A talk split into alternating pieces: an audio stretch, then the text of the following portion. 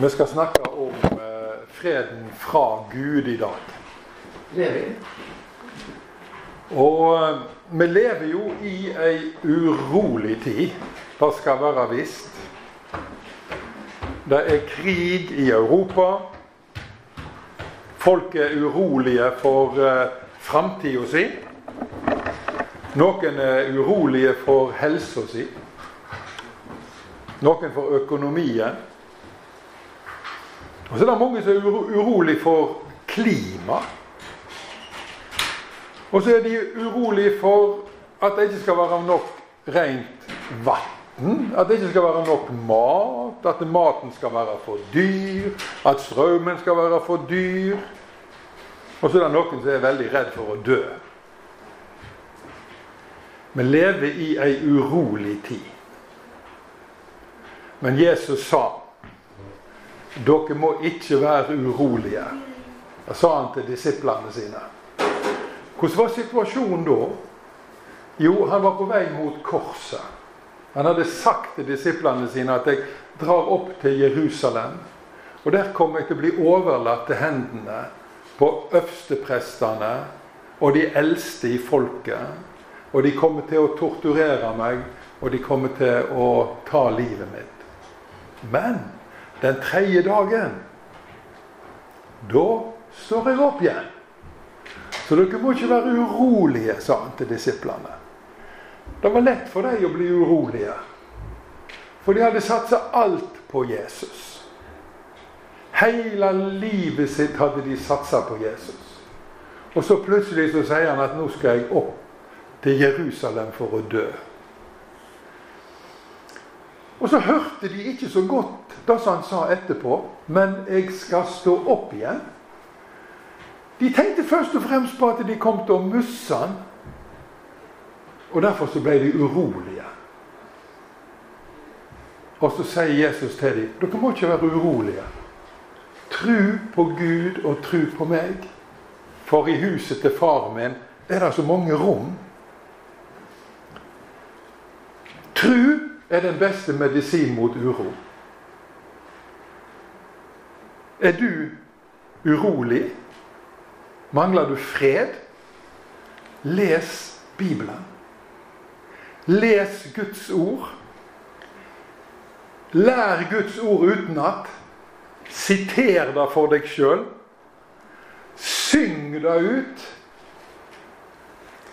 For Guds ord skaper tru i ditt hjerte. Og trua, den gir deg fred. Fred er ikke en ting som står liksom helt for seg sjøl. Nei, det er knytta til Jesus. Gamle Simon han var urolig, redd for å dø. Det er ting som tyder på det. Han hadde ikke fred. En dag så sa Den hellige ande til han, gå opp i tempelet, for der skal du få møte din fred. Og Når han kom i tempelet, så ser han Josef og Maria og Jesusbarnet. Og med en gang så vet han at da barnet som Maria bærer på, han er verdens frelser. Han er min frelser. Så går han bort til dem, og så tar han Jesusbarnet i armene sine. Og så sier han til Gud Nå, Herre, kan tjeneren din reise herifra i fred. I fred fordi øynene mine har sett de frelse. Han hadde sett noe, så, hadde, så fylte hjertet hans med fred. Og Jesus han anbefaler oss hele tida se på meg. Ikke se på alle omstendighetene rundt deg, for de kan være helt katastrofale. Og helt umulige for deg å håndtere. Men se på meg for i meg så finner du din fred. For det første så er jeg din frelse. Og for det andre så er jeg Gud. Som tar kontroll over ditt liv når du bare lar meg få lov. Fred er et viktig ord i Bibelen. Vi møter det så mange plasser. På hebraisk så heter det shalom. på gresk eirene. Så når du møter ei dame eller jente som heter Irene, så forstår du at det må være et fredelig vesen. For det er nemlig der navnet hennes kom ifra. Irene. Fred. Det betyr mye mer enn at du ikke står i konflikt med noen. Det betyr at du har det godt. At du har det godt med Gud. At du har det godt med dine medmennesker. At du har harmoni og fellesskap. Og til og med det betyr at du har sunnhet. Hele fredspakken får vi ikke før Jesus kommer tilbake. Men vi får alltid smake deler av den store fredspakken. Og det viktigste for oss det er å ha fred med Gud. Fred med Gud. De aller fleste menneskene lever i konflikt med Gud. Og det er en risikabel livssituasjon, for vi vet aldri når Jesus kommer tilbake. Og da må vi ha fred med Gud. Vi har oppretta et rett forhold til vår skaper og vår dommer og vår frelser. For det er da Gud er, nemlig. Helt ifra syndefallets dag og helt fram til nå er vi mennesker blitt kasta inn i en voldsom konflikt. Denne konflikten vil komme til å vare til Jesus kommer igjen. Det blir aldri fred på hele jorda. Det vil ikke bli det. Der vi vil oppleve konflikter. Det er konflikt mellom hva er rett og hva er galt. Mellom hva er godt og hva er vondt. Det er konflikt mellom lys og mørke. Konflikt mellom sannhet og løgn. Konflikt mellom kjærlighet og hat. Ja, det er en konflikt mellom Gud og djevelen. Konflikter raser overalt. På bakken i Ukraina, i gatene i verdens storbyer, i slummen i Buenos Aires, i aviser, i tidsskrifter, i filmer, i bøker. Konflikter er, finner vi på universiteter, i regjeringslokaler, i nasjonene sine parlament, i heimer. Det er til og med konflikt i heimene. Og det er til og med konflikt i menighetene. Og skal vi være ærlige, så går konflikten helt inn i vårt eget hjerte, inn i våre egne sinn. Det kan rase stormer.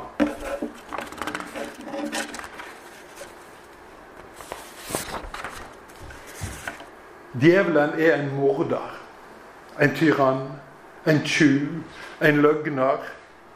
Og han forfører verdens mennesker til å gå imot Gud og gå imot hverandre og rive ned alt det gode som Gud bygger opp, og alt det gode som Gud står for. Hele verden ligger i det vonde, sier apostel Johannes, fordi han er styrt av denne verdens fyrste, og han er full av vondskap. Av og til fyller menneskehjertene med vondskap, slik at de tror at vondskapen er rettferdig.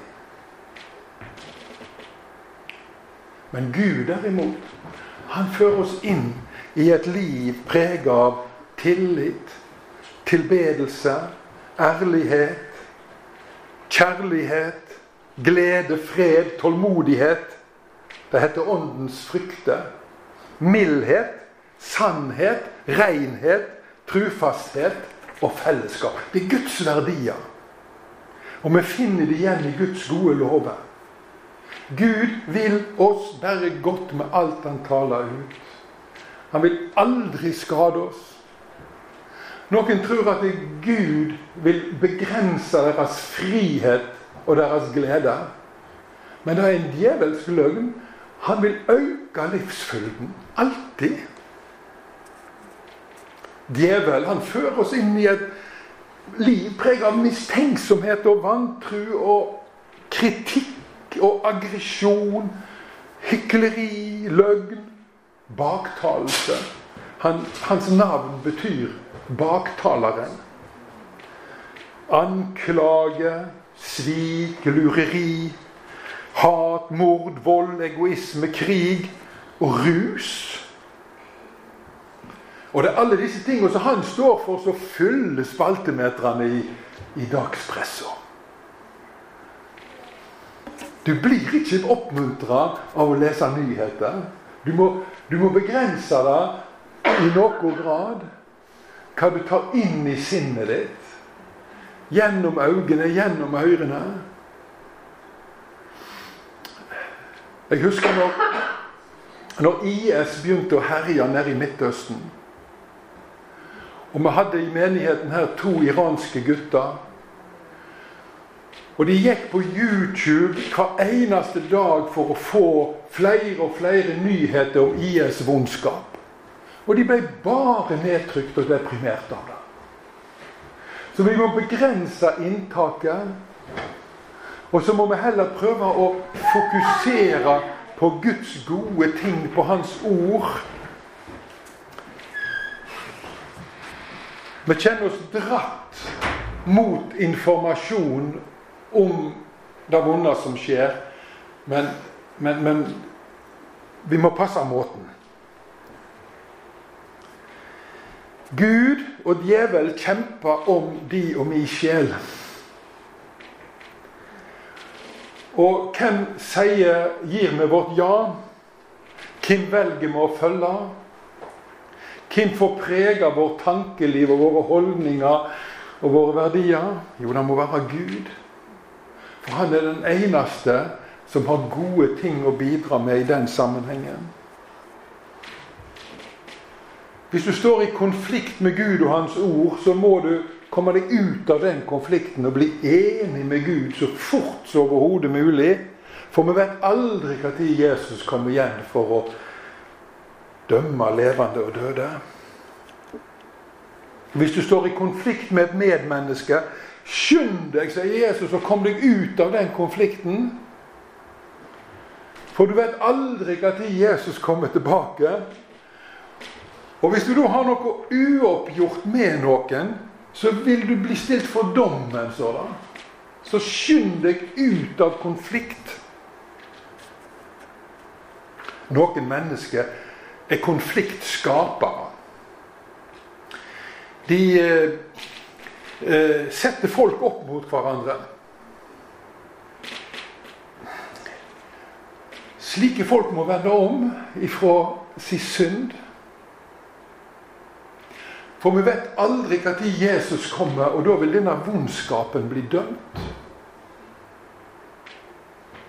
Jesus sier lykkelige er de som skaper fred. De skal kalles Guds barn. Hva skal da de kalles som skaper konflikt? Ja, det vet vi. De er djevelens barn.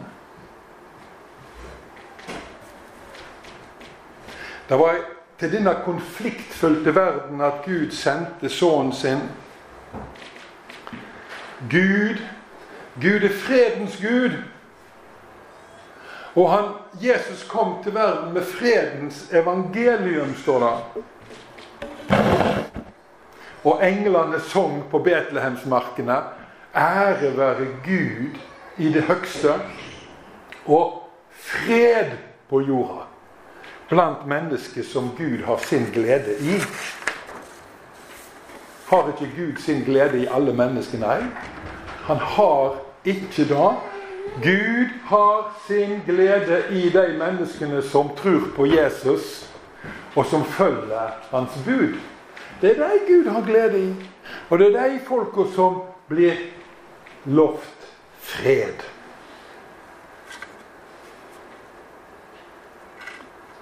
Hvis du tror på Jesus og har overgitt ditt liv til Jesus, da har du fred med Gud. Da, da er det ikke lenger noen konflikt mellom deg og din skaper. Da er du tatt inn i varmen, inn i Guds nåde. Da er Gud like fornøyd med deg som han er med Jesus. Da ligger du ikke lenger i konflikt. Da vil du aldri bli dømt for dine synder. Og hvis du tror dette, så har du god samvittighet. Og Gud fyller hjertet ditt med sin fred. med Kristi fred. Jesus sa til disiplene før han dør Min fred gir jeg dere. Han overførte den freden han hadde i sitt hjerte, til sine disipler. Min fred. Det er en voldsom kraft i den freden. Den får vi når vi har et rett forhold til Jesus, til Gud vår Far. Denne freden ifra Gud er tilgjengelig for alle mennesker, og vi som har erfart dette, og som lever i det, vi er blitt sendt ut i verden med et budskap om fred. Det er etablert en fredsavtale mellom himmel og jord, mellom Gud og menneske. Og alle som aksepterer fredsavtalen, de skal få oppleve Guds fred i sine hjerter. Det blir en realitet. Og så ligger det nå til rette for fred i heimen og fred på arbeidsplassen, fred i menigheten, fred mellom folk. Vi forkynner fred fra Gud. Og vi lever i fred med hverandre. Og der det er konflikt, går vi inn for å skape fred. Fred er i et kristent menneskes varemerke.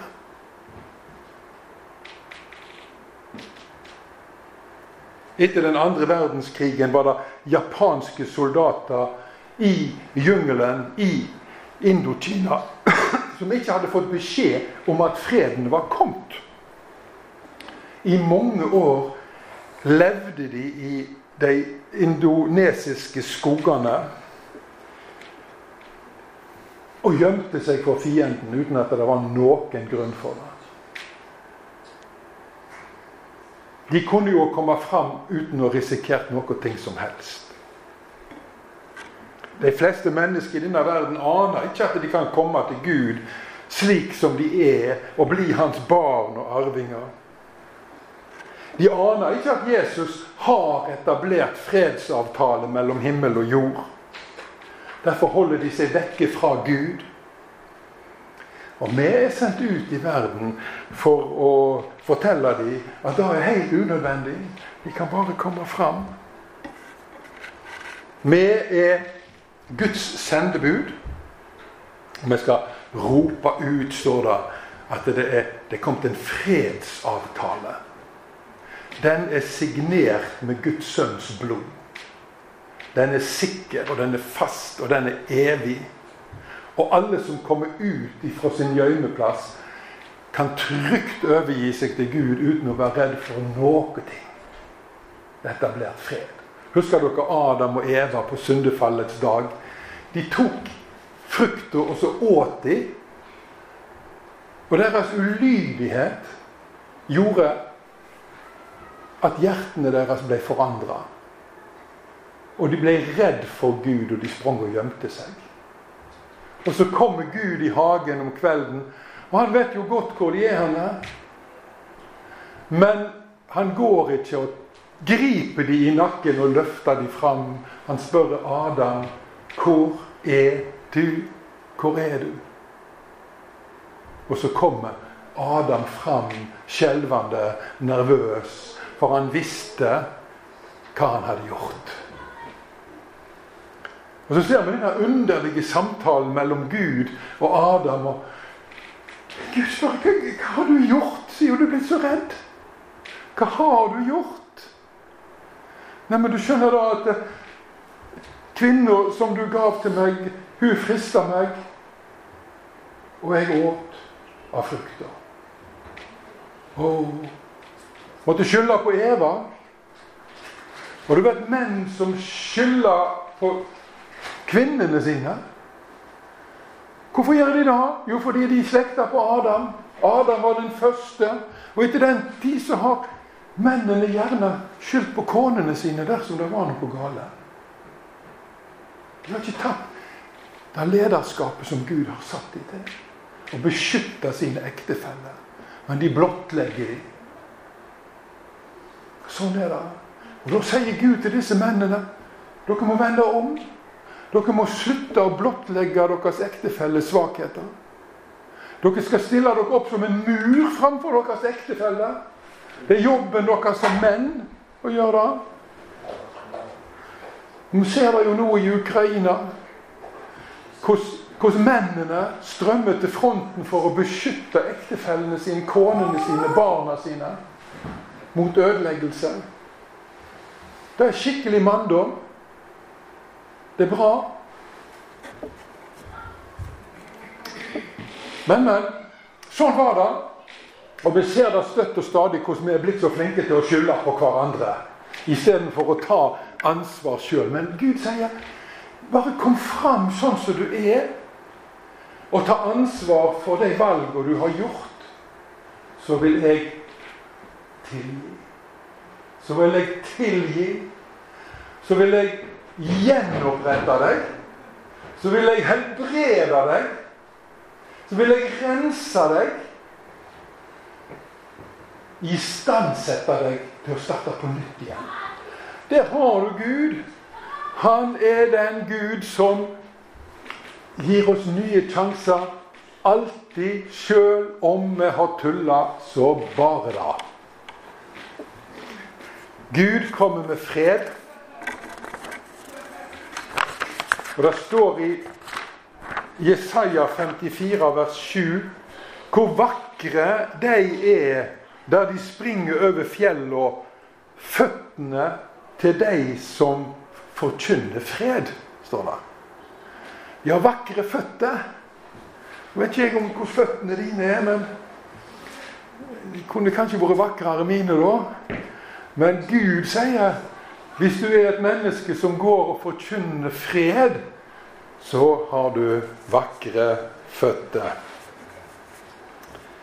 Vi forkynner frelse, og vi sier til menneskene Gud er konge. Gud er konge. Han vil ha det siste ordet. Men dermed så er vi kasta inn i en ny konflikt. For vi er, ikke rett og, vi er rett og slett ikke hjertelig velkommen med budskapet om fred. Folk blir ikke kjempeglade når de får høre Hei! Gud er konge. Døra til Guds rike er åpen for deg. Det er bare å gå inn. Det er tillatt. Nei, for menneskene vil helst leve utenfor fellesskapet med Gud. De vil helst ikke ha noe med Gud å gjøre. De vil klare seg uten Gud, de vil klare seg sjøl. De vil ikke ha noe mas om Gud og evigheten og Jesus og sånne ting. Og de vil slett ikke at Gud skal fortelle dem hvordan de skal leve, for da vil de bestemme sjøl. Altså, og her ser dere det. Er du en evangelist, så blir du kasta inn i en ny type konflikt som du ikke har smakt på før. Evangelistens konflikt. Kristusvitnet sin konflikt. Og fordi den konflikten alltid oppstår når vi forkynner evangeliet og kaller folk tilbake til Gud, så må det ikke være konflikt i hjertet ditt. Der må det være fred. På to områder må det være fred, og det er i hjertet ditt og i forholdet ditt til Gud. For hvis du har krig i hjertet, og du står i konflikt med Gud, så taper du all kraft og all lyst til å evangelisere og til å dele fred, Guds fredsbudskap med verden. For du får ha mer enn nok med dine egne konflikter. For konfliktene vil alltid oppstå i og rundt en evangelist. For du forstår, mennesket er av natur fiendtlig innstilt til Gud. Det ligger i vår karakter i ryggmargen vår, så å si. Og ingen kommer til Gud uten at Gud kommer til deg og tar dem litt i nakken og løfter dem opp og konfronterer dem med seg sjøl. uten at han sender sin hellige ånd over dem og overbeviser dem om at det, det å være kristen er det eneste rette. Fordi Gud er skaperen. Han er frelseren, og han er dommeren. Og, og, og dette er den rette vei.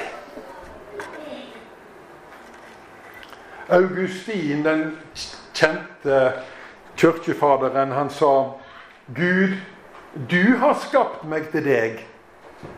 Og hjertet mitt er urolig i meg inntil det finner hvile i deg.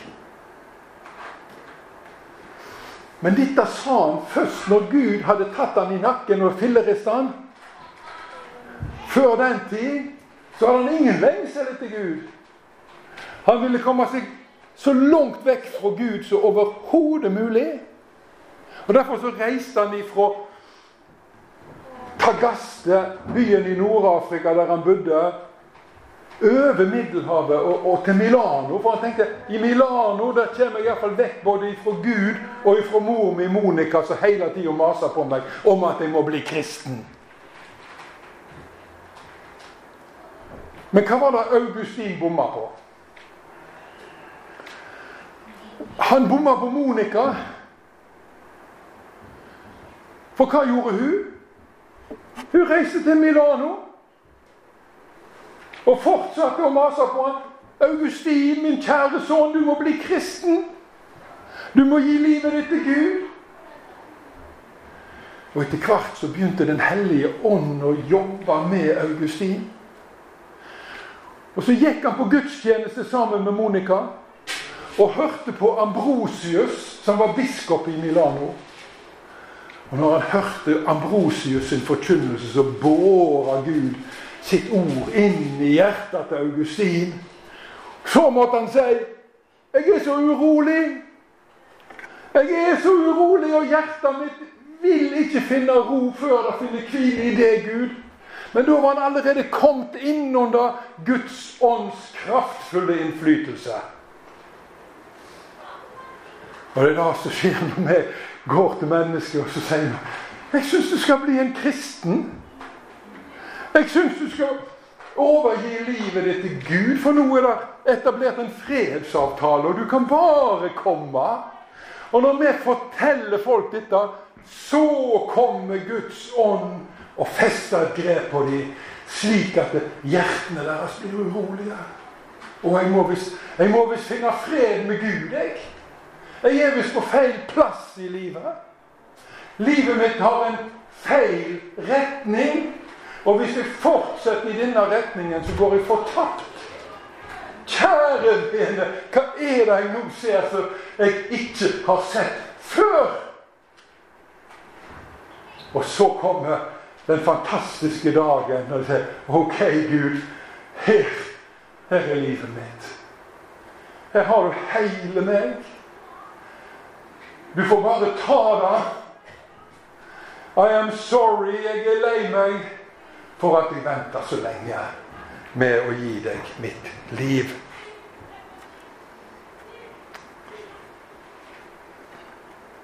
Jeg er ikke kommet til verden for å skape fred, sier Jesus underlig nok, men krig.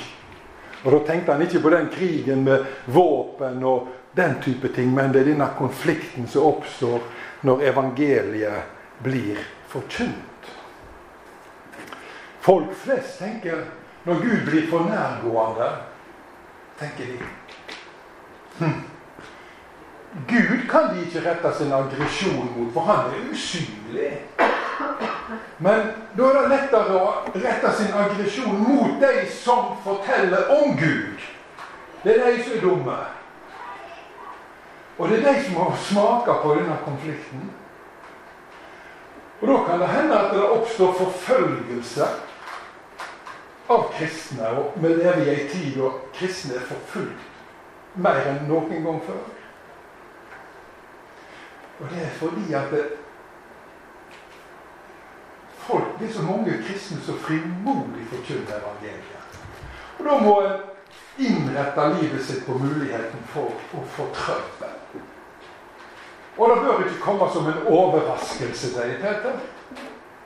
Du må ikke bli overrasket, for det er helt naturlig. For dette er menneskenes vei til Gud er gjennom å yte motstand overfor menigheten. Det er vekkelsens vei.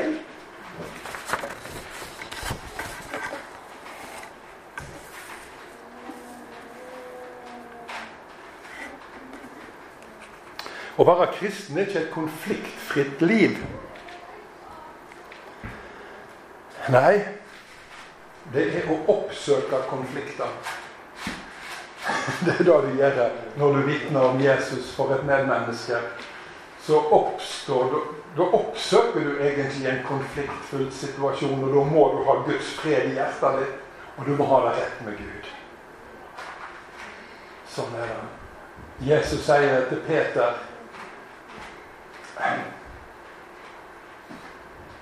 Peter har nettopp sagt du er Messias, den levende Guds sønn. Det var Peters fantastiske bekjennelse. Jesus hadde spurt disiplene hvem, hvem sier folk at menneskesønnen er. Jo, da hadde de svart. Noen sier Elias, og noen sier Sa de Moses, eller var det døperen Johannes, eller hva det enn var for noe? Litt forskjellige ting. Men dere, da? Hvem sier dere at jeg er? Så sier Peter, du er Messias, den levende Guds sønn. Og så sier Jesus til Peter, dette har ikke kjøtt og blod vist deg, men far min i himmelen. Og du er Peter, sier han. Før den tid het han Simon. Nå fikk han navnet Peter, som betyr klippen eller fjell eller noe sånt. Og så sier han på, denne, på dette fjellet vil jeg bygge min menighet. Så kan vi diskutere hva det betyr. Det gidder vi ikke her nå. Men det som er saken, det er det som kommer etterpå. så sa det at Og dødsrikeportene skal ikke få makt over den. Altså hans menighet. Dødsrikeportene. Og tenk deg nå Har du noen gang blitt forfulgt av en port? Opp med ei hånd alle som har opplevd å bli forfulgt av en port. Porter kan ikke forfølge noen. Porta står i ro. Gjør det ikke det? Alle byer i gamle dager hadde porta, byporter i murene. Jerusalem hadde tolv porter. Men det som var typisk for alle disse tolv portene, da var at de sto i ro. Selvfølgelig. Men i disse portene, der sto det soldater. Krigere og vokta porten. Er dere med? Hvis noen uvedkommende prøvde å trenge seg inn i byen, så møtte de motstand ifra forsvarerne. Ifra soldatene som sto og skulle passe på byen. Hør nå her. Dødsriket forfølger ikke deg. Dødsrikeportene springer ikke etter deg. Ja, Men hvordan kan du da komme i konflikt med en dødsrikeport? Jo, du skjønner da Det er at du angriper. Det er du som er den angripende part. Det er du som skal trenge deg gjennom porten. Det er du som skal nedkjempe forsvarsverket. For du skal inn i det riket for å fri menneskene ut av dødsriket og inn i Guds rike. Og Dette er et viktig poeng. Når du vitner om Jesus for et menneske, da angriper du dødsrikets porter. Fordi du vil frelse dette mennesket ut av dødsrikets fryktelige klør og inn i Guds rike. Ut av mørkets rike og inn i lysets rike. Vekk ifra djevelens makt og inn i Guds kjærlighet. Det er det det er, vet du. Så hvis du aldri vitner om Jesus for et menneske, så får du så fred for dødsrikeportene. De vil ikke by deg et eneste problem. Men hvis du er et vitne om Jesus, og deler evangeliet og ber folk om å komme til Gud, da har du med en gang gått inn i en helt ny konflikt. Og i den konflikten så trenger du Guds fred i hjertet ditt. Og du trenger å ha det rett med Gud. Ja, for ellers så vil du ikke engang tenke på å gå inn i den konflikten der. For det er dramatisk for et menneske å bli en kristen. Ofte er det et stort sprang. Omlegging av livsretning det er ikke noe spøk. Det er en stor ting. Og det oppleves så konfliktfullt. Og noen kan bli sinte. Ja, det kan de bli, altså. Så du må være innstilt på det. Men dette er de kår som vi er satt i verden til å leve i som kristne. Høyere. Og det tror jeg jeg har fått sagt det jeg vil. Ære være Faderen og Sønnen og Den hellige ande, som var og er og være skal en sann Gud fra Eva og til Eva. Amen.